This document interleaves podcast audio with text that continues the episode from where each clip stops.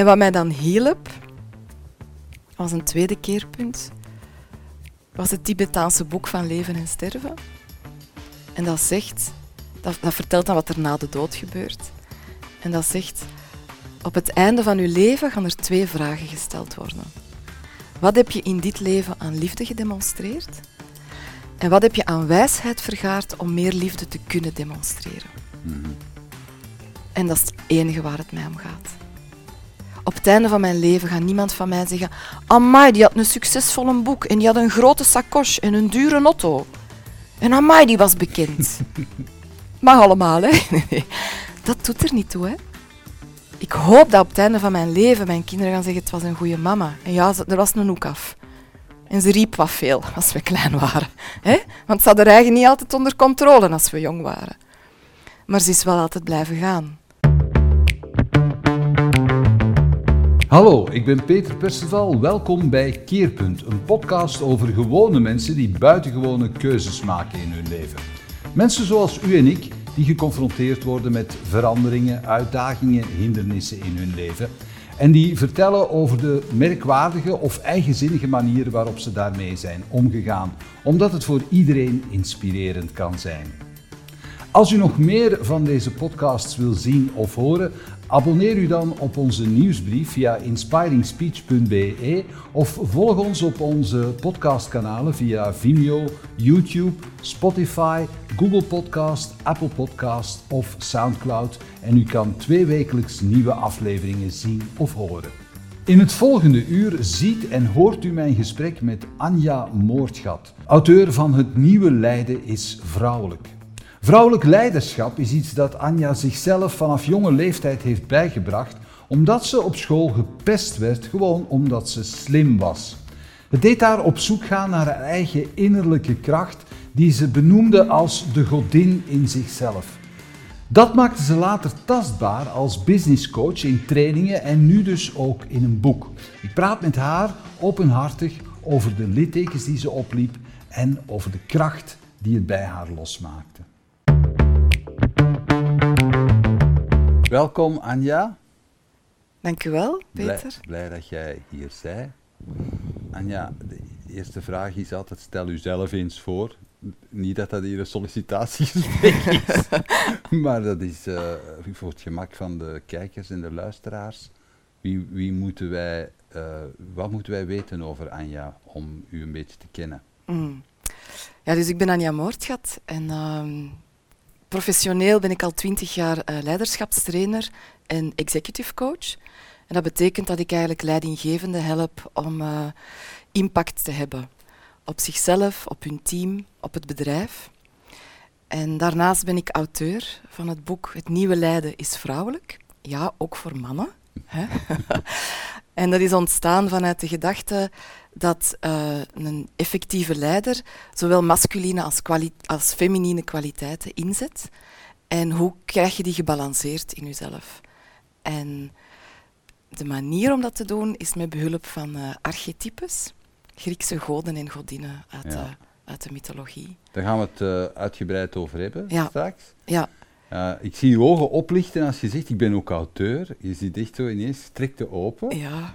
Dat is iets waar dat je lang op hebt gewacht. ja, er is een droom. Ik droom daar als kind al van. Ja. En dan gedurende mijn professionele leven heb ik twintig jaar ge- getoeterd. Ik wil een boek schrijven. En ehm, dan vorig jaar eindelijk de, de, de moed gevonden eh, om dat ook effectief te doen. Ja. Ja. ja. Ik ben, ja, zeg Ja, maar. zeg maar wat je wilt zeggen. ik ben ook moeder Ja? van, eh, van vier. Twee eigen kinderen en twee eh, pluskinderen.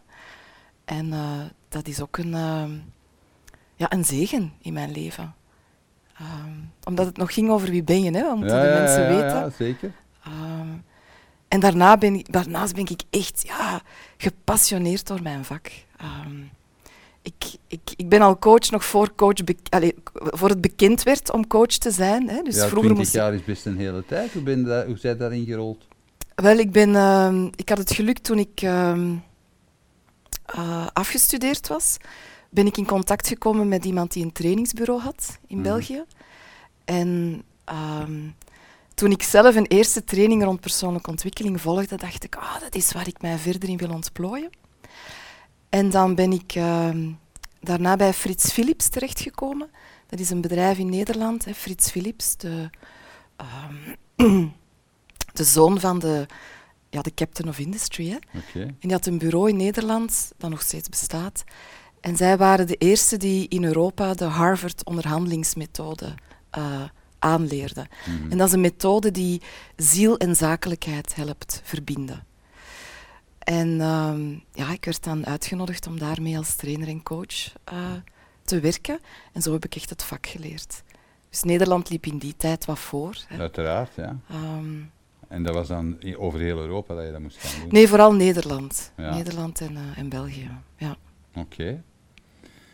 En ja, je, maar je hebt, je hebt eigenlijk fotografie gestudeerd. Ja, ja. Dus wel een hele grote sprong van fotografie naar eh, leiderschapscoach. Ja, absoluut. En, eh, en toch heb ik het gevoel dat ik hetzelfde doe. Wat ik als fotograaf heel belangrijk was, was om mensen te laten voelen wie ze van binnen zijn en hoe ze dat naar buiten kunnen brengen. Ja, En ik heb het idee dat ik dat nog altijd doe, maar dan via een ander medium. ja. Oké. Mijn gesprekken beginnen altijd met de vraag: wie was jij toen je 15, 16 was? Mm. ja, een heel opstandige, zoekende puber. Ja, Ehm, alle pubers zijn opstandig en zoekend. Wat was er specifiek opstandiger of zoekender bij jou? Eh, S'nachts uit het raam klimmen en naar discotheken gaan.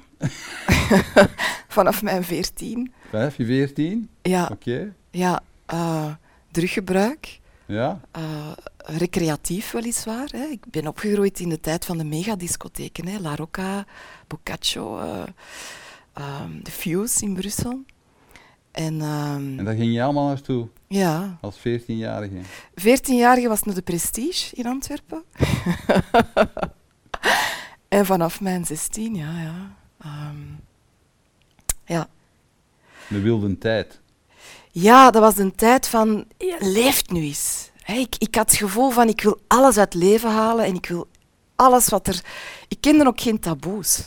Eh, nog altijd niet zoveel, maar het gevoel van, we zijn hier geboren om te ervaren, dus ik wil ook alles ervaren wat er te ervaren valt. En voor mij was, was druggebruik... eh, ik ben nooit verslaafd geweest, in die zin van het bleef recreatief. En ik deed dat op een heel logische manier. Ik wist bijvoorbeeld, ik las ook heel veel. Hè. Ja. Ik las dan een EOS, ken je dat? En daar stond dan bijvoorbeeld dat eh eh, softdrugs de link tussen uw lange en uw korte termijn geheugen aantast. Ja. Dus dan wist ik, oké, zes weken voor de examens stoppen, want dan wordt die link terug hersteld. Ja. Na het examens, up, terug een joint. En ik pleit hier niet voor druggebruik, hè, maar wat het, als je dat op een... Wat mij hielp was... ehm, ik wilde iets maken van mijn leven. Maar ik wilde... Dus ik wilde mij niet laten afglijden. Maar ik had wel die, die zucht naar... Wat is er nog meer dan dat we kunnen zien? En... ehm, drugs zoals ecstasy en MDMA brengen u met een, met een wereld in contact. Ja, dat is... eh, ik moet nu wel zeggen, ik wil hier echt niet pleiten voor Ja, ja, gezegd. ik weet dat er heel veel problemen rond zijn. Ja. En ik heb een aantal van mijn vrienden zien ten onder gaan. Ja. Dus Mhm. dat vind ik heel belangrijk om dat ook te benoemen. Maar, ja, Wat mij nu frappeert is dat je daar zo heel rationeel over doet. ja, Dus Ja. toen al was dat was voor jou een heel rationele keuze eigenlijk. Van, Ik ga Absoluut. dat doen. ja, ik ga dat doen. Ze, hier is een pilletje uit Engeland, je moet dat eens pakken. Ecstasy. En ik dacht, oké. Maar ik ging er dan wel alles over lezen. Mhm. En ik heb dat heel rationeel gedaan. Ja. En dat heeft mij gered. Eh, omdat ik ook wist, ik wil hier nooit verslaafd aan geraken, want dat is niet het echte leven. Ik Mhm. wil, maar er zijn andere dimensies die je kunt verkennen en die wou ik ten volle verkennen. Mhm. LSD en eh, ja, Dat heb je allemaal gedaan. ja, kook, alles. Ja. Oké. Maar bijvoorbeeld nooit heroïne, omdat ik wist, als je daarmee begint, ben je van dag één verslaafd en weet je niet waar je eindigt. Mhm. Dus dat is mij ooit aangeboden, dat heb ik geweigerd. Dat wou ik niet. Dus ik denk wel dat mijn, mijn nuchterheid mij gered heeft. Ehm, en tegelijkertijd die zucht naar, wat is er meer, hè? Maar- En van waar kwam die zucht? Ja, ik ben daarmee geboren. Mhm. Ja. Ehm, Maar je wilde nu te afzetten tegen iets of zo, want als je zegt van ik wilde, ik, ik had een duidelijk beeld van mijn leven, ik wilde niet afglijden, maar Ja. afglijden naar wat? Ja, ik heb een aantal mensen. Een van mijn vrienden is in een psychose terechtgekomen en heeft zelfmoord gepleegd in de psychiatrische inrichting door de drugs. Hè. Dus Mhm. dat wilde ik niet. Mhm. Hè. Dus ik wilde iets maken van mijn leven. Maar ik ben geboren ehm, als een gevoelige ziel. En ik had als kind al het gevoel, ik liep hier rond en ik dacht, ik ben hier al eerder geweest. Dus Mhm. ik, voelde, ik geloofde als kind in reïncarnatie. En eh, ook, ook al had ik daar nooit over gelezen of zo. En ik was heel gevoelig en ik dacht, eigenlijk dient het leven toch niet om alleen maar te werken. Ik, ik zag mijn ouders heel hard werken. Ik ben dochter van zelfstandigen. En Wat deden je ouders? die hebben een, een, ehm, een schrootverwerkend bedrijf, Oké. een transportbedrijf. Dus ik ben opgegroeid tussen de truckchauffeurs en de vorkliften. Op een heel down-to-earth manier ben ik opgebracht. Hè. Ja? Uh, maar heel vrij ook. Wij hadden bijvoorbeeld, in het begin was de zaak van mijn ouders achter ons huis. Wij hadden geen tuin, we hadden een schroothoop. en dat was geweldig, want er kwamen dan mensen oude auto's binnenbrengen die niet meer op straat mochten, maar wij mochten daar wel mee crossen. Dus op mijn tien had ik mijn eigen auto. Hè. Mijn broer ook, en mijn andere broer ook, en mijn zus. En dan deden wij de Dukes of Hazzard na, hè, op, op, aan de koers. Of met die nektapijten. Ja, dat was geweldig. En mijn vader, die is, ehm, die, die is ongelooflijk handig. Dus als wij zeiden, papa, eh, die, we hebben een gokar. En dan zei hij, oké. En dan zit er een motor onder. Hè, dan hadden wij een gokar met een motor. Of, papa, wij willen een zandbak. En dan kregen wij een container van 10 kuub. met zand in. En dat was... ja, dat was een vrijheid. Ehm, dus ik heb die, die, die drang naar vrijheid wel... Die zit in mijn DNA van mijn familie. Ja. Hè, al mijn broers en zussen hebben een motorrijbewijs. En Met hoeveel zijn jullie? met vier kinderen. Oké. En de hoeveelste ben jij? De derde. Mhm. Dus die is ook al wat vrijer. Hè. Ja. Maar ik was wel een beetje de rare in het gezin. Hè. Ik was... eh, In dat gezin waren jij toch nog de rare. ja. Er is er geen oordeel over. nee, Ja. absoluut. Ik ben er ook helemaal mee Maar ik probeer een beeld te vormen van mensen die in hun hof met een auto rijden en dan zeg jij, ik was de rare.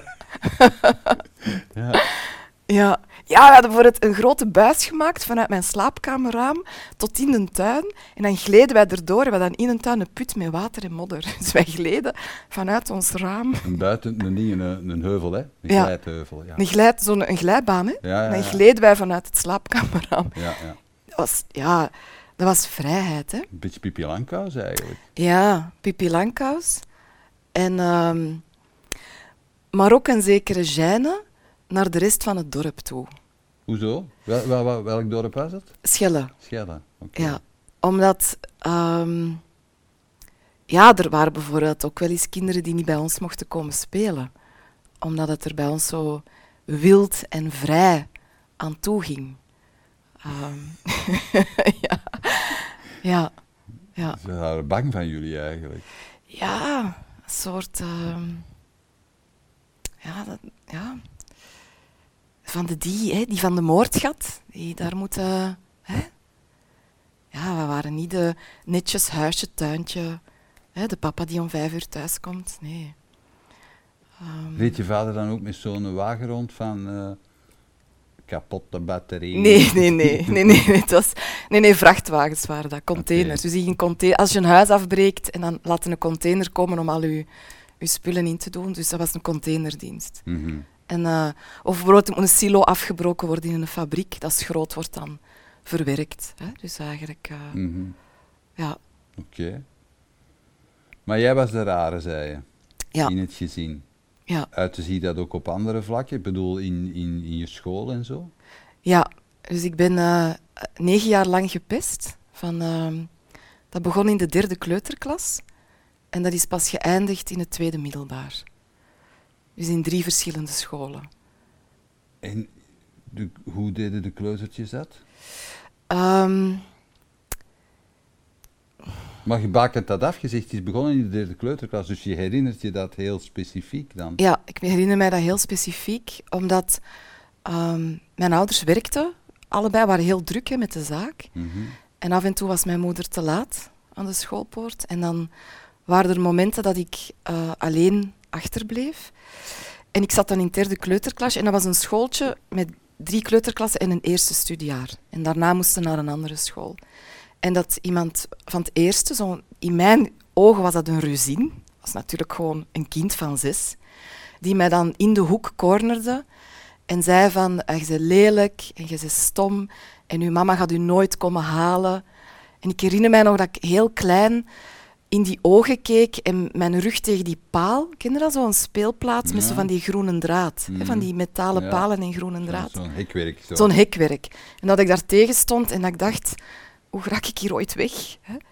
Ik herinner mij zelfs nog wat ik aan had. Mijn moeder, die vroeger kon die in de, in de CNA pelse jasjes kopen voor kinderen. Mhm. Dus ik had zo'n konijnenfraksje van, bon, van konijnenbond. Wat dus, ja, ik was een beetje de rare, hè. Zo. En ik herinner mij nog hoe, hoe, hoe, hoe bang dat ik was. Ehm, Merkwaardig dat zo'n kind dat doet, toch? ja, Zijn eigen angst uitspreken eigenlijk. Want die, was ook, die zat ook op zijn ouders te wachten dan. Ja, waarschijnlijk. Projectie. Ja. Ja, maar eh, ik bedoel, als, drie, als, als kleuter van vijf hoefde dat soort reflecties niet te maken. nee, gelukkig niet. nee, nee, maar ik, allee, het frappeert mij dat zo'n kind dat, dat zegt. En je zei lelijk en uw mama gaat u nooit komen halen. Mm. Verschrikkelijk eigenlijk. Maar goed, terug over jou. je, bent, je, ble- je bent gepest gebleven tot je tweede middelbaar, zei je. Ja. Hoe, hoe, hoe is dat geëindigd dan? Ik heb toen een klik gemaakt. Dat was een, eh, een keerpunt. Ehm, ik weet niet precies waarom ik gepest werd. Ik vermoed nu, terugkijkend, omdat ik rare uitspraken deed.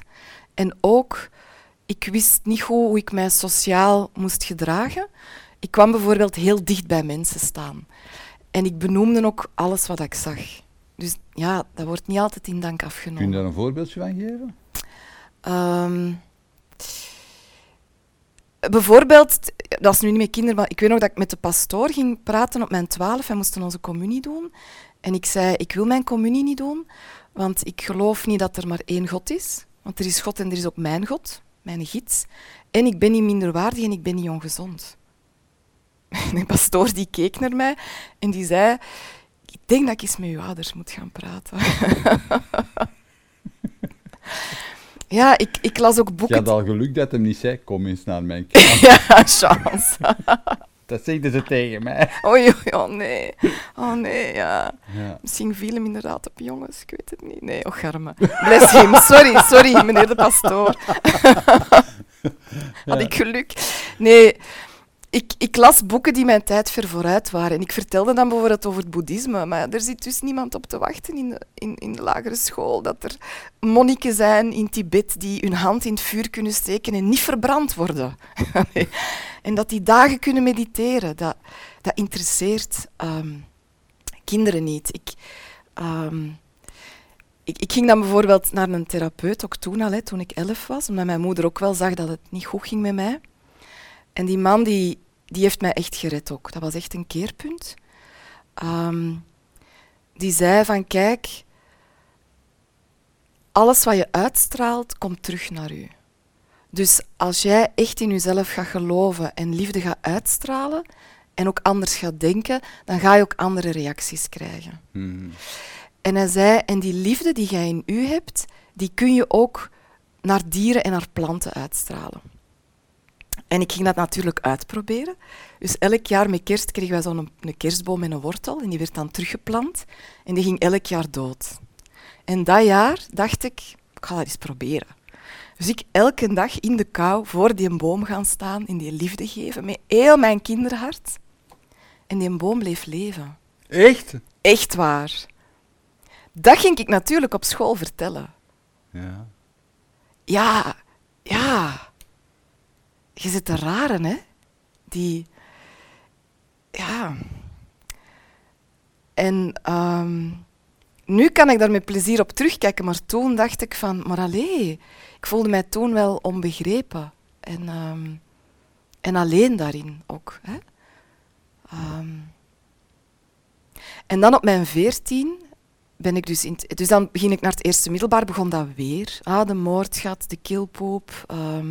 De kilpoop? Ja, van een ja, de kilpoop. Dat was zo de scheldnaam voor, voor ons. Um, ah ja, wacht waar. Van moordgat. Was jongen, echt waar. ja, echt waar. ja. Ja. ja. Dan laat mijn woordspelingen top. Ja, inderdaad. Maar ja. En, toen, en, en toen heb jij gezegd, hier, hier houdt het op. Ja, nu ben ik klaar met raar te zijn. Nu wil ik zijn zoals iedereen. En heb je dan enorm geconformeerd? Of? Nee, dan ben ik uh, mij gaan optrekken aan de stoere jongens en meisjes. Ik ben eigenlijk een voorbeeld gaan kiezen van hoe moet ik zijn om, om ergens bij te horen. Mhm. En um, ik ben niet het brave meisje geworden, maar de rebel. En ik, ik had dan ook een vriendin, Natasha. en dat was echt een godin. Die was blond, die was zonge... Ja, haar ouders hadden een zonnebank. Dat was in de jaren tachtig echt wel... Allee, hè? Dat was die vriendin dat je moest hebben, hè? Met de ouders een zonnebank. Die had groene ogen en roze lipstick. En ik was de, de bruine fregel. Hè. Ik, ik, ik las veel, ik was slim, maar ja, ik leefde in mijn hoofd hè, en in de wolken hè, met mijn gidsen en mijn engelen. En ik weet nog dat Natasha trok mij mee op sleeptouw. Die, die zag blijkbaar iets in mij. Ja. En die had mij dan ook... Ja, sorry Natasha, maar die had mij dus overtuigd om uit het raam te klimmen en naar de prestige te gaan. En ik weet nog dat ik er de allereerste keer stond en ik had een bruine broek aan, een bruin hemd en een bruin gilet. Echt beter, je verzin het. Echt Je verzin het niet, hè. Ja. Dat was een... Ah ja. En Natasha had een strak zwart kleedje aan en hoge hakken. Veertien jaar, hè. Mm. En dat was in een tijd van... Uh, dus de... Maar ze nam jou ook mee als een soort schild aan? Ik denk het, ik weet het niet. Maar ze zorgde wel voor mij, ze nam mij mee hè, in die ja, wereld. En Sydney Youngblood was er ken dat was zo'n zanger in de jaren tachtig die een hit had. En dat was, in de Prestige was het zo met palen met fluweel afge, afgespannen, met bodyguards ervoor. En Natasha mocht onder, onder de naart Sydney Youngblood en ik, de bruine fregel, moest aan de andere kant van de touwen blijven staan. En toen dacht ik, en nu is het klaar. Ik word zoals Natasha. En dat is een keerpunt geweest. Ik ben heel goed gaan kijken naar dat type. Maar we hebben een stapje overgeslagen, want daarnet zeiden van ja, ik had ook mijn, mijn begeleiders en mijn engelen. En waar, waar ze komen die vandaan? Hmm. Ja, dan moeten we terug ook naar mijn kindertijd. Ja. Ehm, ik heb het gevoel dat ik geboren ben met die begeleiders, dat die altijd bij mij zijn geweest. Mm maar ik herinner mij wel nog een moment waarop mij daar ik voor het eerst heel levendig bewust van werd. Mhm. En dat was op het moment dat ik ehm, op de speelplaats geslagen werd. Dus er was mhm. een, een groepje van vijf jongens die mij heel veel pesten en ook letterlijk fysiek in elkaar sloegen. En een van die momenten lag ik in foetushouding met mijn handen rond mijn hoofd. En ze waren tegen mijn staartbeentje aan het shotten. En ik weet nog dat ik mij zo alleen voelde en zo bang. En een deel van mij verdween. Mhm. En ik, ik ging letterlijk een stuk uit mijn lijf. En tegelijkertijd verscheen een beeld. Ik noem ze nu mijn innerlijke godin, maar toen was dat een beeld van een vrouw met lang haar en hele lieve ogen. En die zei: Jij bent ijzersterk. Jij bent ijzersterk. En wacht maar totdat je groot bent. En ik voelde mij van, ik ben niet alleen hierin. Mm en dat gaf mij kracht. En later, als ik dan s'avonds in bed lag, ging ik in haar armen liggen. En dan werd ik getroost. En, uh, maar je zag het wel als een deel van jou. dat tegelijkertijd groter was dan ik zelf was. Mhm. Het, het zit in mij, maar het is groter dan ik zelf ben. Het is Mhm. niet alleen wie ik ben. Het is mijn... Ik noem het nu mijn innerlijke godin, maar het is mijn... ehm, de grote oermoeder of zo, die, die er voor ons allemaal is. Mhm. En tegelijkertijd zijn we daar ook een stukje van. Dus het, het is. ehm, ja, ik voel het als een deel in mij dat ik zelf ben en tegelijkertijd is het groter dan ik zelf ben. Maar je hebt er toegang toe gekregen door, eh, door, door flink leed eigenlijk. Mhm. En nu als coach heb je daar een boek over gemaakt, hoe je, hoe je toegang krijgt tot dat deel. Ja, Ik neem aan dat de mensen zich niet moeten pijnigen om daar, eh, om daar te geraken. nee, gelukkig niet. nee, nee, want dat was de reden voor mijn boek. Hè? Ja. Je hoeft niet eerst door al die miserie te gaan. Hè? Mhm. Er zijn heel veel andere manieren om, om met dat deel in contact te komen. Mhm. Ehm, natuurlijk, moeilijke momenten zijn wel vaak een ingang. Mhm. Hè, je ziet dat ook vaak hè, aan de beste helers en coaches en ehm thoughtleaders zijn vaak mensen die wel wat hebben meegemaakt in hun jeugd. Hè, die, die, of die niet altijd een gemakkelijk leven hebben gehad. Maar je hoeft het niet gaan op te zoeken. Ehm, en er zijn heel veel wegen om dat te gaan ervaren. Mhm. En voor mij is een van de ingangen werken met archetypes en met de, met de godinnen en de Mhm. goden uit de Griekse mythologie. Oké, die goden en die godinnen, hoe, hoe, hoe zit dat dan juist? Wat, wat, eh, want er zijn, dat, is, dat is een wereld op zichzelf, eh, zeker de Griekse goden, dat is echt eh, een, een soapopera waar dat je eens voor moet gaan zitten als je dat helemaal wilt ja, absoluut. doorgronden. Ja, Hoe, hoe zit dat dan? Wat, welke, welke, welke archetypes zijn daar belangrijk en welke niet? ja, een mooie vraag. Ehm, ik zal misschien eerst kaderen waar het vandaan komt.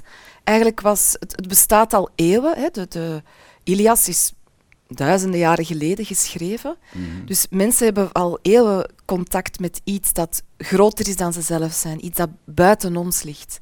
Maar Jung is eigenlijk een van de eerste geweest die dat echt in kaart is beginnen brengen. En die heeft gezegd, we hebben ons bewustzijn, dat is hoe ik nu met jou praat en jij luistert naar mij, zo we gewoon in het dagelijks leven staan.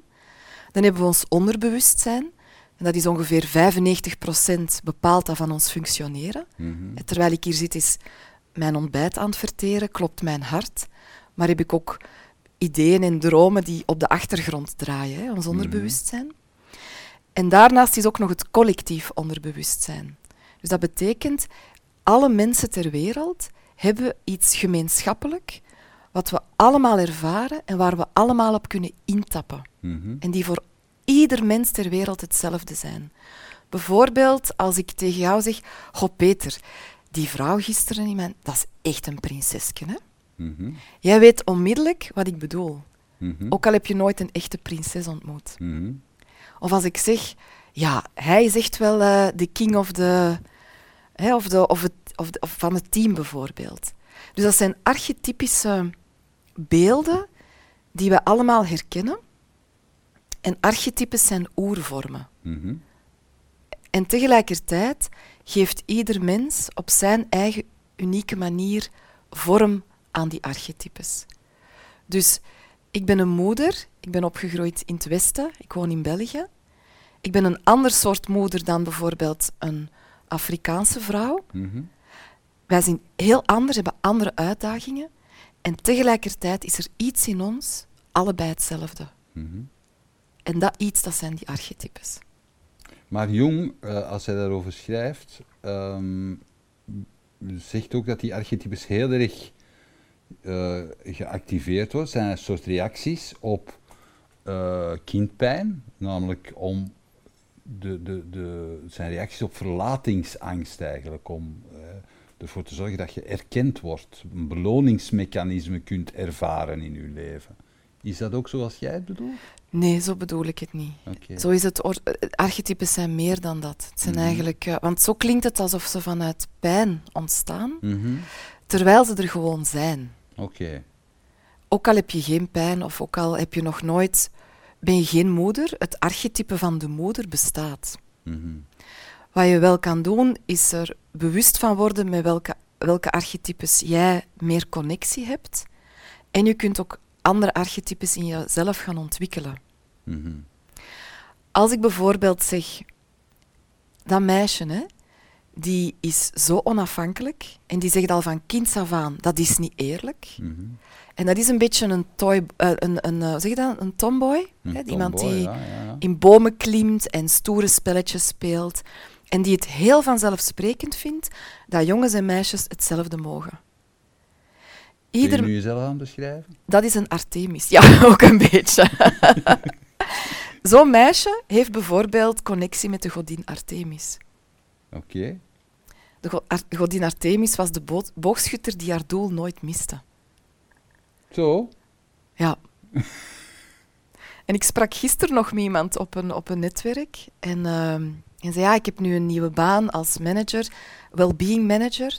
En ik moet dat echt wel, dat is echt wel een grote verantwoordelijkheid. En ik moet wel zien dat ik dat allemaal eh, voor elkaar krijg. En zegt ze, ik vind het ook wel moeilijk, ik heb zo'n heel plan. En als dan andere mensen met ideeën komen, dan denk ik, nee, ik wil mij toch vasthouden aan mijn plan. Dat is een typische Artemis-kwaliteit. Die heeft een droom en die weet hoe het moet. Maar hebben die ook valkuilen dan? Want Ja. zegt, Het, is, het is een kwaliteit, maar... Ja, wat fantastisch is, dat zij de kracht heeft om te zeggen, ik pak die rol hier. Ja. Ik word die well-being manager en ik ga echt een beleid uitschrijven waar iedereen deugd van heeft. Mhm. Dus de Artemis-kracht is het vermogen om dat daar te zetten. Wat is de valkuil? Dat je heel onafhankelijk bent. Dat je voorop loopt en dat je niet ziet dat de rest niet mee is. Mhm. En wat heeft Artemis dan te ontwikkelen? Ah, jij wil graag meedenken? Schitterend. Dit is mijn plan.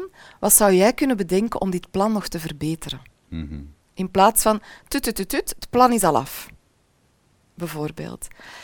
En alleen al het feit dat vrouwen dan op, of dat je als vrouw of als man hè, op die manier naar jezelf gaat kijken. Van hé, hey, er zijn dus kwaliteiten in mij, dat heeft ook valkuilen. Maar ik kan dus leunen op die archetypische krachten en hun kwaliteiten ontwikkelen. Maar je, je, je, je koppelt nu expliciet terug naar vrouwelijk leiderschap, naar vrouwelijke godinnen. Hè? Waarom zijn die belangrijk en waarom eh, gaat het dan niet naar eh, mannelijke archetypen? Ik beschrijf ook mannelijke archetypen Mhm. eh, in mijn boek, dus de goden komen ook aan bod. De reden waarom ik de vrouwelijke heb gekozen is, ik ben gaan kijken naar, naar leiderschap. En wat ik zie, een goede leider heeft mannelijke en vrouwelijke eigenschappen die hij inzet in een Mhm. balans. Mhm, Maar de vrouwelijke zijn nog wat eh, ondergesneeuwd. mhm, En die wilde ik graag meer in het licht zetten. Maar ze zijn beide belangrijk. Je kunt niet zeggen het vrouwelijke is beter dan het mannelijk- mannelijke. En ehm, een tweede reden was dat ik eh, mij ook ergerde dat ik soms te horen kreeg van mensen van ah, je zit te mannelijk. En dan dacht ik, nee, nee, nee. De kwaliteit die ik nu inzet, is de krijgsgodin. Dat is vrouwelijke kracht, maar vrouwelijke kracht is meer dan alleen dat zachte, verbindende, lieve. Dus ik wou het vrouwelijke kracht ook genuanceerder brengen. Ja, dat is boeiend. Eh, Die krijgsgodin, hoe, hoe, hoe werkt die?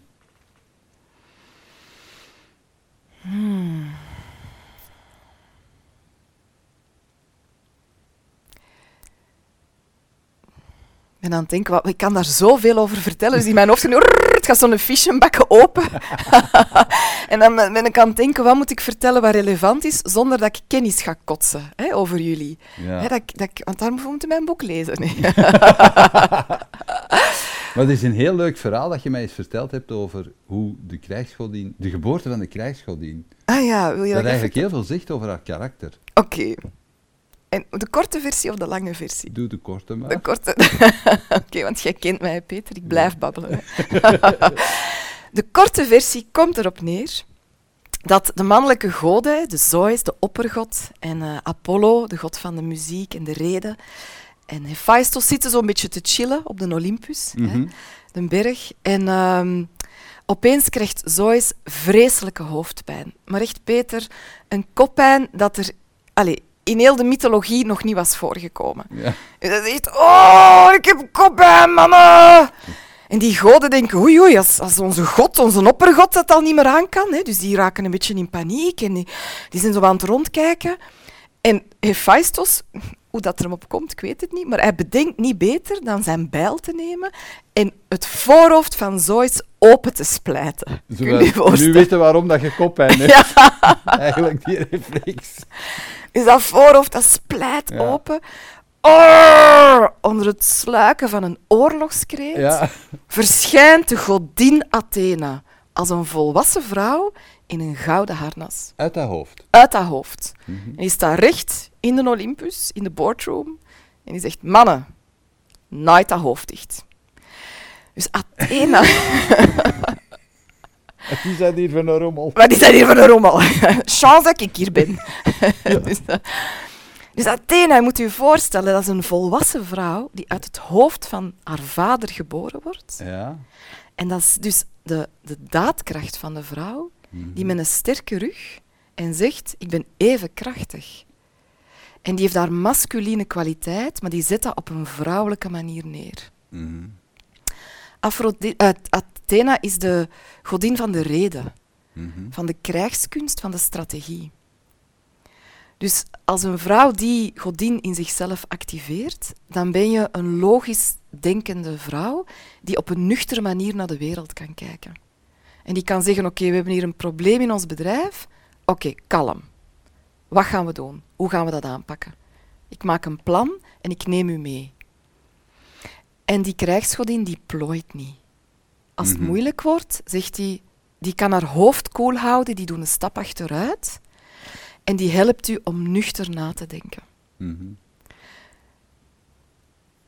En wat ik heel krachtig vond aan die mythologie, want ik heb natuurlijk die kracht ervaren als kind op de speelplaats, wist ik veel dat, dat, dat ik later zou ontdekken dat er nog veel meer van die godinnen waren. Mhm. Maar elke keer als ik het later moeilijk had in een meeting of in mijn studies, en ik moest bijvoorbeeld een presentatie geven en ik was zenuwachtig, dan dacht ik, Anja is zenuwachtig, maar Athena, die weet hoe dat ze dat moet doen. En dan leunde ik voor ik opkwam even in mijn Athena. En dan zei ik, Athena, geef Hoe me de deed je dat kracht. Even mijn ogen sluiten Mhm. en dan riep ik de godinnen aan. En dan zei ik, Athena, hoe zou jij dit aanpakken? En dan voel ik de kracht om daar te gaan staan. Om met lef mijn boodschap te brengen. Ja, lef is een van je kernwoorden in je boek. Wat zijn de andere? Liefde, Ja, dat is de tweede godin. Ja. Dat is Demeter. Want natuurlijk, lef is goed, hè? dat is nodig. Maar het kan u ook, ehm, als je niet oplet, raakt je gepantserd. Ja, Athena is een hoofdgodin, hè, dat is een nuchtere denk- denkende vrouw. Maar als je alleen vanuit je hoofd leeft, dan ehm verlies het contact met je lichaam. heb je dat zelf ook al meegemaakt? Absoluut. Door mijn ehm, gepest zijn hè, Mhm. ben ik gaan, heel hard gaan observeren. En heel hard gaan nadenken en heel zelfbewust geworden. Hoe gedraag ik mij? Wat denkt een andere? Hoe kom ik over? Dat is denken, denken, denken, denken, denken, denken, denken. Mhm. En in die zin werd mijn Athena een kracht, maar ook een panzer. Mhm. waardoor ik ehm, minder goed kon voelen. Ik weet nog dat ik mijn eerste... ehm, dat mensen soms zeiden als ik jonger was, oh, ik voel me er niet goed bij. En dat ik zei, jij met je voelen, je zou beter wat meer nadenken. Vanuit een, een hardheid eigenlijk. Hè. Mhm. En pas later heb ik echt mijn, door die pijn ook te helen vanuit mijn kind zijn, door, door die, dat, dat panzer te laten zakken, ben ik terug met mijn gevoeligheid in contact gekomen, met mijn, met mijn hart. En, want je zegt dat nu redelijk vanzelfsprekend, maar was dat ook vanzelfsprekend voor jou? Nee, dat is een proces. Dat was, eh, ja. Hoe, hoe is dat gebeurd? Ik, heb, ik heb veel ehm, eh, therapie gevolgd. Mhm. Ehm, Maar waarom had je therapie nodig vonden? Want eh, mij, mij frappeert het nu dat je eigenlijk zo op zoek gaat naar therapie of naar hulpmiddelen om ergens te conformeren. Ja. Ja. Omdat ik dacht, ik weet niet hoe mensen in elkaar zitten. Mhm. Ik ben hier neergesmeten op aarde, ben hier blijkbaar al dikwijls geweest, maar ik vergeet het elke keer hoe dat ik het moet doen. Mhm. En ik weet niet hoe ik de dingen die in mij leven op een manier moet overbrengen die, waardoor ik anderen niet van mij afduw. Mhm. Want het gaat mij om liefde en het gaat mij om verbinding. Maar hoe breng je dat zonder dat het zweverig wordt? Fluffy? Of zonder dat, dat mensen zeggen, ja, ja, maar voor mij werkt dat zo niet. Ehm, Dus je was op zoek naar sleutels daarvoor. ja. En ik heb ook lang... ehm, ik had wel mijn innerlijke godin. En die heeft mij altijd kracht gegeven. Maar ik heb ook heel lang veel schaamte gevoeld over wie ik was. Mhm. dat ik raar was, dat ik... ehm, ik weet nog dat ik na mijn studies fotografie ben ik bij Randstad gaan werken. En dat ik s'morgens in een auto zat en dat ik dacht, oh my god, ik ben een 9-to-5er, hoe cool. En ik zwaaide naar de andere 9-to-5ers in de auto, maar niemand zwaaide terug. en dat ik in dat kantoor zat en ik moest een telefoon opnemen. Dat was nog Randstad Interlabor, goedemorgen, u spreekt met Anja Moordgat. En dat ik dacht, nu word ik betrapt. Ik kan ik dat is maar een spelletje, hè, mannen. Dat is een spelletje, hè. Hier zitten een telefoon opnemen. Ja. Want daar gaat het toch niet echt om. Maar veel mensen namen dat echt heel serieus. Mm. Ehm, en dan deed ik wel eens uitspraken die raar waren. Ja, De, mensen zeiden dat ook. Wat zeg jij nu? ja of dan ging ik wierook branden in het kantoor. Dat zou ik nu niet meer doen. Hè. Eh, en dan ging ik naar huis s'avonds en dan schaamde ik mij. En dan dacht ik, ik misschien, misschien hoor ik niet op deze wereld. Misschien ben ik te, te gevoelig, te raar, te anders. En die boulot met dodo, daar word ik niet blij van. Oké. En dan kwamen er zelfmoordgedachten. En wil, ik wil naar huis. Ik wil naar de wereld van de godinnen. Hè? Ik wil terug. Zover, ja? Ja, Dat je dacht van, ik maak er een eind aan. ja, ja. Ja. En dan later kwam zo een Hoe latent... ben je daarvan afgeraakt dan? eh, ehm, door dat te aanvaarden, door er doorheen te gaan. Ik had ook een heel plan, dat gaf mij rust. Ik had een plan voor als, ik, als het echt te moeilijk wordt, stap ik eruit. Had je toen al kinderen? Nee, nog niet. Mhm. En ik had een heel plan hoe het, ehm, hoe het zou moeten zijn. Dat gaf mij rust. En hoe ik er ben uitgeraakt is, dan heb ik kinderen gekregen. En ik hou zoveel van mijn kinderen, Mhm. Dat ik dacht, ik wil niet dat mijn kinderen zonder moeder opgroeien. Mhm.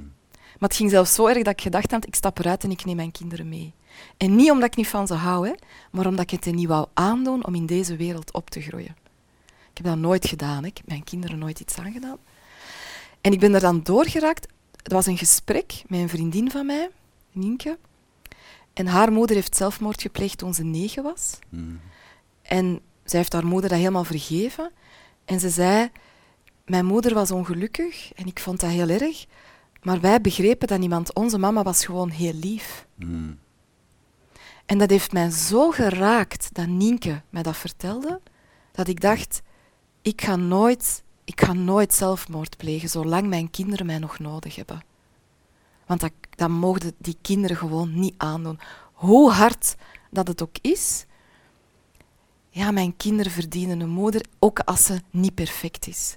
Ook als de moeder is die psychos moeilijk heeft. Ook als een moeder is die soms roept tegen haar kinderen en zich dan keischuldig voelt. Dat is nog altijd beter dan een moeder die het niet aan kan, die eruit stapt. hè. Mhm. En dus dat gesprek met Nienke was echt een keerpunt. Ehm, en dan heb ik ook gevoeld, maar ik moet echt wel iets met die depressieve gevoelens doen. Ik moet iets met dat longing for home doen.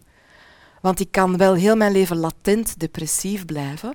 Dat gaat, hè, Peter. Ik, heb dat, ik deed dat, hè. Ik stond op, ik ging werken, ik had mijn job, ik had vrienden. En aan de buitenwereld ben je de actieve, vriendelijke, sociale, succesvolle Ja. Anja. Mhm. En van binnen voelt u dood en moe. En denkt, u, ik wil naar huis. Ik wil gewoon naar huis. Hoeveel jaar nog? Mhm. En thuis is waar de Griekse godinnen zijn. ja, dat, dat weet ik niet, maar thuis is wat ik voel als ik diep mediteer. Mhm. Dan voel ik mij in connectie met een wereld. Daar is stilte, daar is rust, daar is aanvaarding van wat er is. Daar is een diep gevoel van zelf zijn en van opgaan in iets wat groter is dan ik zelf ben. En dan eeuwig in die state blijven? Ja.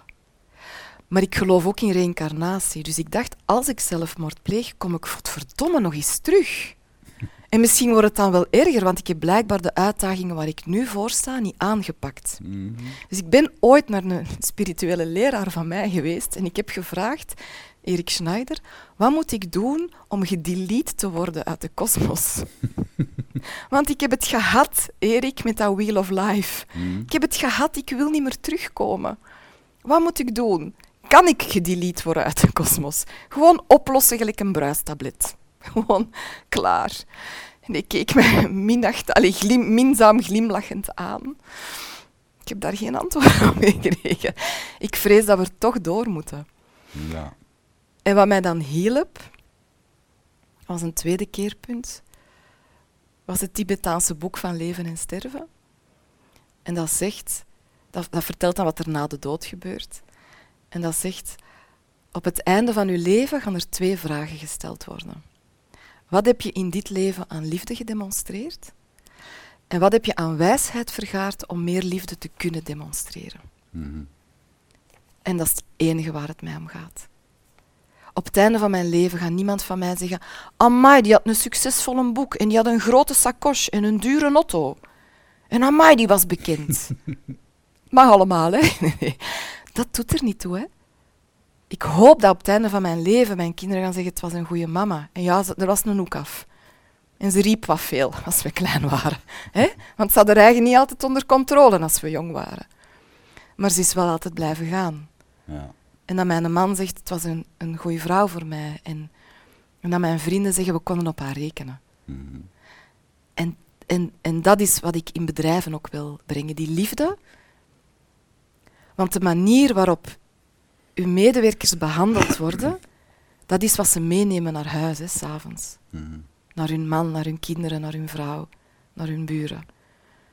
Dus als je een bedrijf kunt creëren waar, waar dat je gezien wordt, waar dat je erkend wordt, waar dat je je veilig voelt, dan geef de één beste van jezelf, Mhm. maar je neemt dat ook mee naar je gezin. Je hebt eh, liefde meegegeven als component. Er zijn in je boek nog, nog eh, andere componenten ook. Ja, de lust. De lust. Ja, Hoe moeten we dat zien? dat is de goesting. Hè. Dat is meer dan seks. Hè. Want ik Ja. weet dat lust onmiddellijk, oh, lust. Maar het is voor mij ook, hè? Ook. Maar het is voor mij de goesting in het leven. Mhm. En ehm, het is de kracht die in de lente de, de bladjes doet ontbotten aan de bomen. Mhm. Het is, zoals Mark Gaffney zegt, eros. Mhm. Eros is de magnetische aantrekkingskracht in het leven. En dat is de godin Aphrodite. En ja, ik ben geboren met veel levenslust. En door het pesten is dat er een beetje uitgeklopt. Mhm. Maar ik denk dat ik eigenlijk vooral werd aangevallen op mijn goesting in het leven. Mijn gretigheid om te leren, om dat met iedereen te, te delen en too much te zijn voor anderen. En door die therapie, door met die zelfmoord, door daar altijd door te gaan, heb ik mijn goesting in het leven wel teruggekregen. En heb ik gevoeld, ja verdorie, ik laat mij dat niet meer afpakken. Mhm.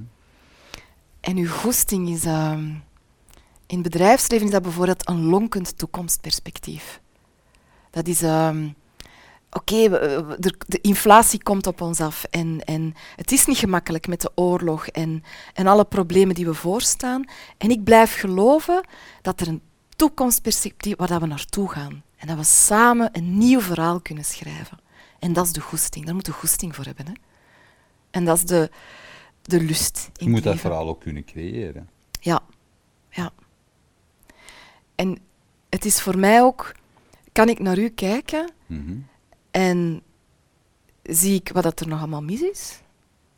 Of zie ik, ik zie wie dat jij kunt worden. Hmm. Ik zie waar dat ontwikkelruim- ontwikkelruimte zit en ik ga je erbij helpen. Als manager, als coach, als partner. Kun je naar uw man kijken en die komt meer bij een of ander nieuw idee af. En in plaats van met je ogen te rollen en te denken, hier is hem weer, denk je, maar schat, dat is een geweldig idee. Hmm. Laten we eens samen kijken dat we dat concreet kunnen maken.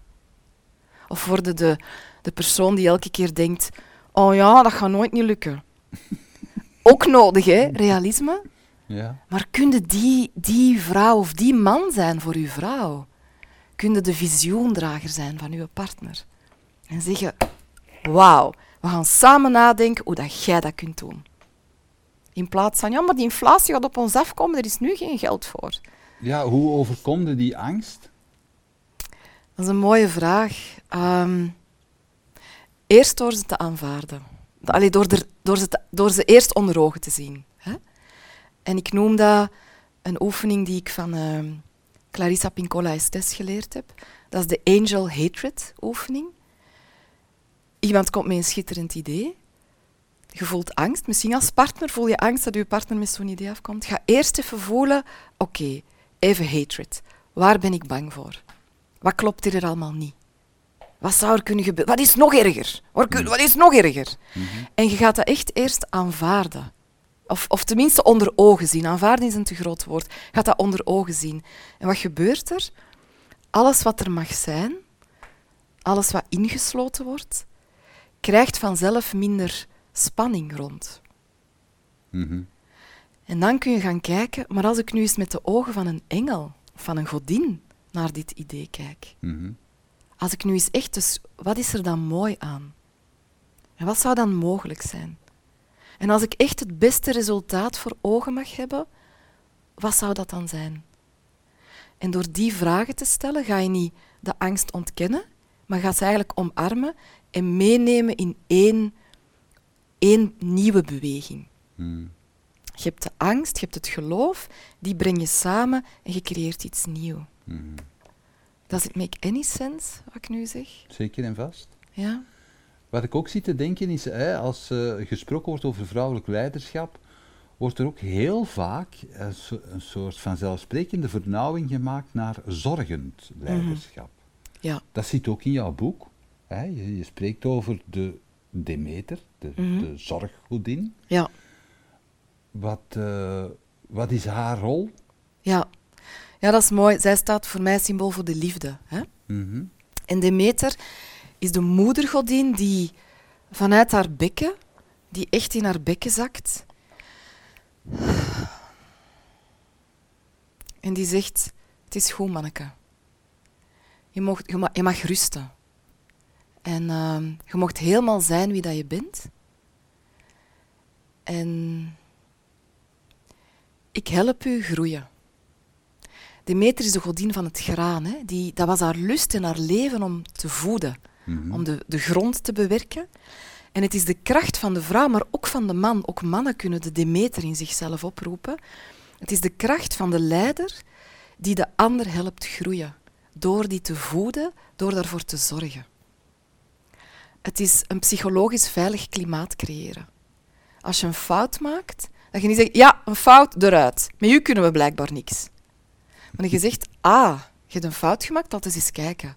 Hoe zijn je daartoe gekomen? Wat waren uw gedachten daarover? En wat leren we hier nu uit? Mhm. En die op een constructieve manier gaat kijken. Ik zie u graag als mens. Uw gedrag als professional is misschien niet altijd oké en kunnen we kunnen leren of kunnen Mhm. moeten we feedback op geven. Maar ik blijf u zien. En je hoort gewoon bij mijn team en we gaan er samen voor. En dat is die liefde van, die, je hebt, die je nodig hebt voor je, voor uw mensen, voor uw bedrijf ook, hè, voor uw klanten Mhm.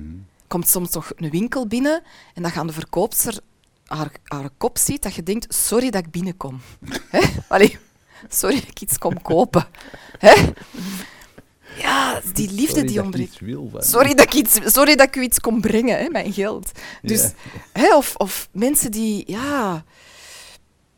Een manager die nooit tijd heeft, hè, die van de ene meeting naar de andere en, en dan snappen ze het nu nog niet, mijn medewerkers. Die niet de tijd neemt om goed te kaderen, bijvoorbeeld. Die, die vanuit goesting, alleen vanuit liefde leiding geeft.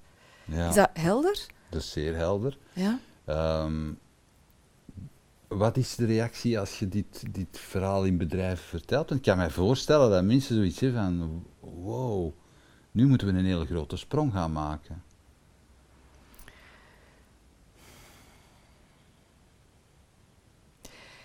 Ja, ik merk nu dat het enthousiast ontvangen wordt en dat het belangrijk is om het heel praktisch, en heel praktisch te maken. Hoe doe je dat? Door handvaten te geven. Bijvoorbeeld, ik ga niet zeggen ontwaak, krijgsgodin. ontwaak. Maar wel... Duistere rituelen. de duistere rituelen. Kom maar mee naar deze boardroom. en dan staat er een drum en dan gaan we schmoetsen met Sali. ja. En als er nog niet klaar voor is, je bent er duidelijk nog niet klaar voor. Nee, nee. nee. De wc ja, precies. Het is niet het juiste bedrijf. nee, nee door, door te kijken van, oké, die, die godinnen zijn lef, liefde en lust. Maar wat betekent dat in de praktijk? Hoe ziet lef eruit? En ik heb dan negen kwaliteiten in kaart gebracht die het heel praktisch maken. Bijvoorbeeld, één vorm van lef is, uh, is uh, daadkracht. Hè. Daadkracht kun je weer vertalen door dingen durven benoemen. Want alleen door iets te benoemen kan er iets in beweging komen en kan er iets veranderen. Dat betekent bijvoorbeeld, als je dat dan weer verder gaat, moet ik op een heel goede manier feedback geven. Kan ik op een, vanuit mijn lef, uh, vanuit mijn, uh, mijn visie, feedback geven, maar op zo'n manier dat ik rekening hou met de kwetsbaarheid van de ander en dat ik tegelijkertijd kristalhelder ben. Hmm. En dat zijn dingen, eigenlijk is dit niks nieuw. Hè? Dat, dat, dat weten we. Maar hoe doe je dat in de praktijk? En dat gaan we dan samen um, leren, oefenen, daar ontwerken. Maar jij zelf hebt, uh, als ik dat zo op een rijtje zet, daar uh, flinke tijd over gedaan. Toch uh, een jaar of dertig. Hoe verwacht jij dat mensen ineens die klik maken? ja, en ik ben natuurlijk nog altijd een work in progress. Nu, het is niet, voor mij is het niet... Ja, wat bedoel je dan met de klik? Dat ze dat ineens allemaal perfect gaan toepassen? Ja, want omdat dat inderdaad wel is, is wat er van coaches wordt verwacht. Zeker als je hè, zegt van, oké, ik moet dat heel praktisch maken allemaal. Ik moet, dat Ja. echt, hand, moet daar echt handvaten aan maken. Hè, in, in bedrijven, als je daar als coach aankomt, dan, vraag, dan verwachten ze eigenlijk echt dat je... Tenminste, als ze na vijf of zes uur buiten komen uit uw sessie, dat de mensen echt zeggen van, ja, nu doe ik het anders. Ja. Nu doe ik dit. ja, en dat is Terwijl naïef. het zo ja. niet werkt. Nee, dat is naïef, Zeker hè? in, in, in jouw veld. Nee, dat is naïef. Ik, ik verkoop ook geen quick fixes. Van ik kom een halve dag en dan ga je al uw godinnen geactiveerd hebben en ook nog eens goed toepassen. Dat is niet, niet realistisch. Nu, wat mij hoop geeft en wat ik zie in bedrijven, heel veel leiders en professionals doen al heel veel dingen gewoon goed. Mhm. Hè? Er wordt al heel veel gedaan rond feedback geven, dus we kunnen dan een stapje dieper gaan. Hè?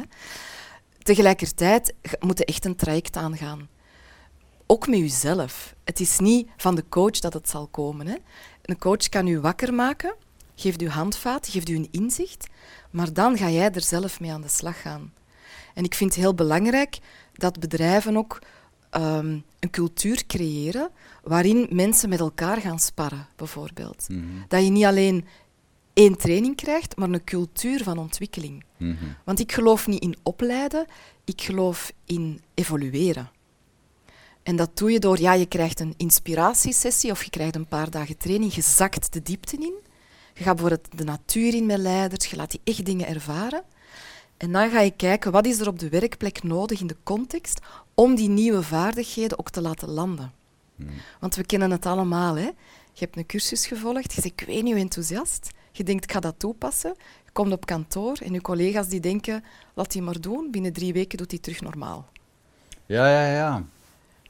Dus je moet echt mensen meetrekken in die beweging. Er is ooit een, een, een ongelooflijk interessant eh, sociologisch eh, experiment geweest.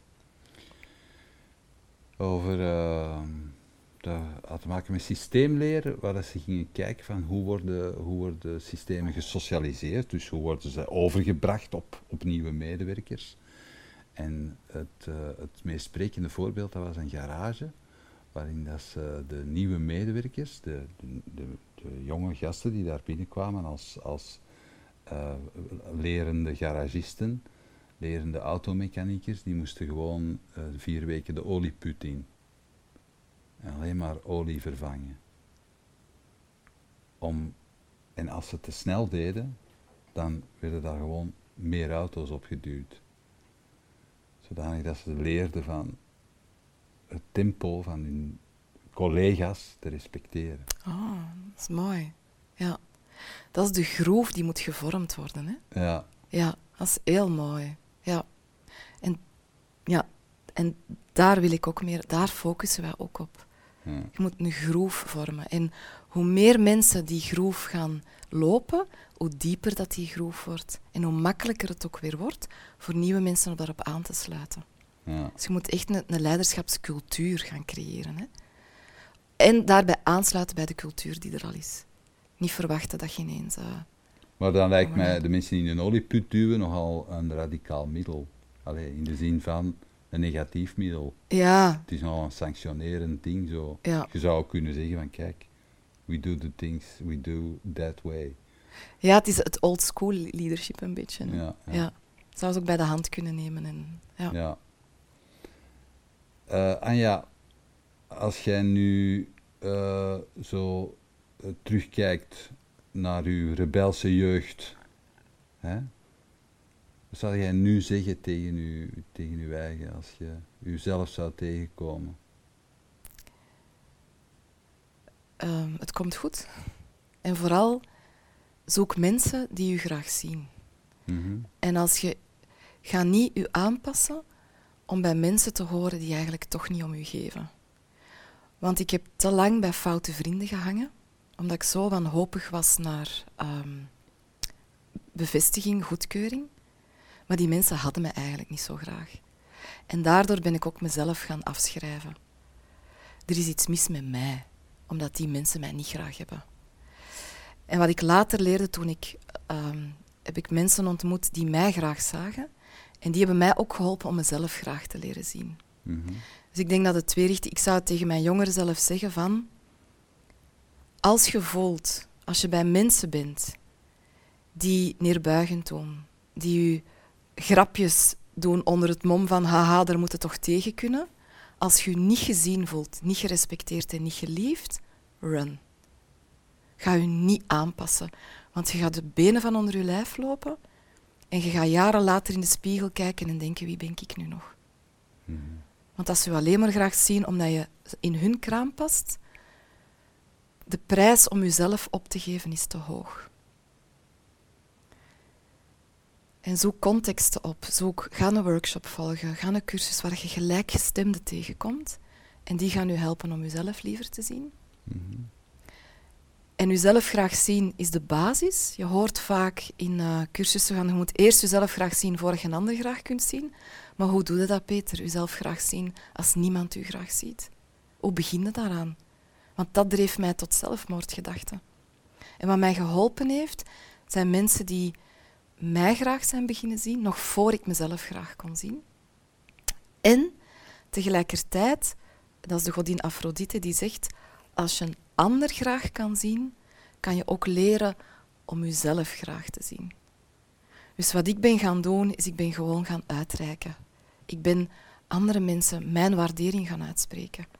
Ik ben aan mensen gaan vragen, wil jij mijn vriendin zijn? Echt officieel, hè? ik vraag het aan als Ik vriendin. vraag het aan als Ja, vriendin. En ik ja. doe dat nog altijd, oprecht, hè, alleen bij Ja. mensen bij wie dat ik het meen. Ook nu nog, als ik die tegenkom en ik voel echt een klik, dan vraag ik, wil jij mijn vriendin zijn? En dan altijd zijn ze Ik heb nog nooit iemand gehad die zei, nee. Ik weet wel ook aan wie dat ik het moet vragen. Ik voel wel even, wil die persoon dat? Maar dat zou ik mijn 16-jarige aanraden. Dat klinkt heel melig, hè? Je moet ook wat oppassen, maar ik zeg niet dat je dat letterlijk moet doen, hè? Maar zoek, eh, ja, ga Maar de, allee, de reden waarom dat mensen dat op die leeftijd, of als ze klein zijn, niet doen, is omdat ze natuurlijk enorme schrik hebben voor afwijzing. Ja, en dat is ook zo. En je zult afgewezen worden. Maar neem een risico. Mhm. Durf een risico nemen en ziet als je tekst op je neus krijgt, feedback. Want je kunt beter zo afgewezen worden dan dat je je eigen begint af te wijzen. Ja. Ja. Dat is wat ik jaren heb gedaan. Hè. Mhm. En dan moeten we therapie gaan volgen om te horen, je bent toch goed zoals je bent. ja. En dat gun ik, dat gun ik ehm, de jeugd van tegenwoordig. Zie jezelf graag. maar dat klinkt al zo Instagram-postachtig. Ik vind dat moeilijk. Maar ik gun. Maar jezelf graag zien betekent niet dat je een bitch mocht zijn. Hè? Mm. Want ik hoor ook soms mensen in bedrijven zeggen: Ja, Anja, uw cursus, ik wil gewoon zijn wie dat ik ben. En dan denk ik: Ja, maar hoe dat je nu doet, nu zit het, sorry, zo vervelend naar je collega's toe. Mhm. Dit is niet wie jij echt bent. Ze moeten mij maar nemen zoals ik ben. Ja, dus ik mag een trut zijn en ik mag van alles zeggen en ik mag echt altijd lopen zagen op het beleid en op management, want ze moeten mij maar nemen zoals ik ben. Instagram. Allee, ik bedoel, nee, eh, dat is niet wie dat je echt bent. Dat is je overlevingsmechanisme. Mm. Dat gemaakt heeft, dat je geleerd hebt, dat je aandacht krijgt als je zaagt. Zonder lef, liefde en lust. Voilà. Ja. Maar als je bent wie je echt bent, en dat geloof ik echt, dan word je vanzelf aangenamer voor je omgeving. Waar zie jij jezelf binnen 20 jaar of in de toekomst? Wat is uw toekomstbeeld? Als een bestseller-auteur. Waar zie ik mezelf? Hmm, dat is een mooie vraag. Ik leef heel hard nu, hè, dus ik vind het Ja. altijd moeilijk. Mijn droom is dat vrouwen en mannen hun archetypes leren kennen en lef, liefde en lust op hun eigen unieke manier, niet zoals ik het voorschrijf, maar op hun eigen unieke manier gaan leren kennen, gaan inzetten. En ik ook. En dat wij samen als mensen bijdragen aan de geboorte van een nieuw archetype. En dat is de leider die onbeschaamd zichzelf durft zijn, die vanuit zijn talenten, vanuit zijn missie, en die daarbij bijdraagt aan het aangaan van de klimaatproblematiek, van de problemen in de wereld, en die, en die daaraan bijdraagt. Want ik denk dat wij allemaal samen het verhaal kunnen herschrijven. En dat is voor mij de geboorte van een nieuw archetype. En als we dat doen, dan herschrijven we de blauwdruk. En ik hoop dat ik binnen twintig jaar daar mijn klein steentje aan heb bijgedragen. Want we kunnen dat niet alleen. En er zijn heel veel denkers die daar rond bezig zijn. Restory bijvoorbeeld hè, is ook bezig met een nieuw narratief te schrijven. Jij zet dingen in de wereld. Mm. Wij doen dat allemaal. En ik hoop dat wij binnen twintig jaar terugkijken en ik zelf ook, dat ik denk, ik, heb, ik ben nog liefhebbender geworden, ik heb nog meer lef en ik heb nog meer goesting. En, ehm, en dat we vele mensen geïnspireerd mogen hebben. Ja. Oké, ik wens het je toe. Mm. Dan gaan we binnen 20 jaar nog eens babbelen.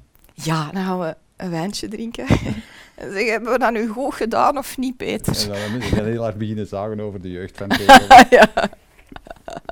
Zo, Ja. Tot dan. ja, dankjewel.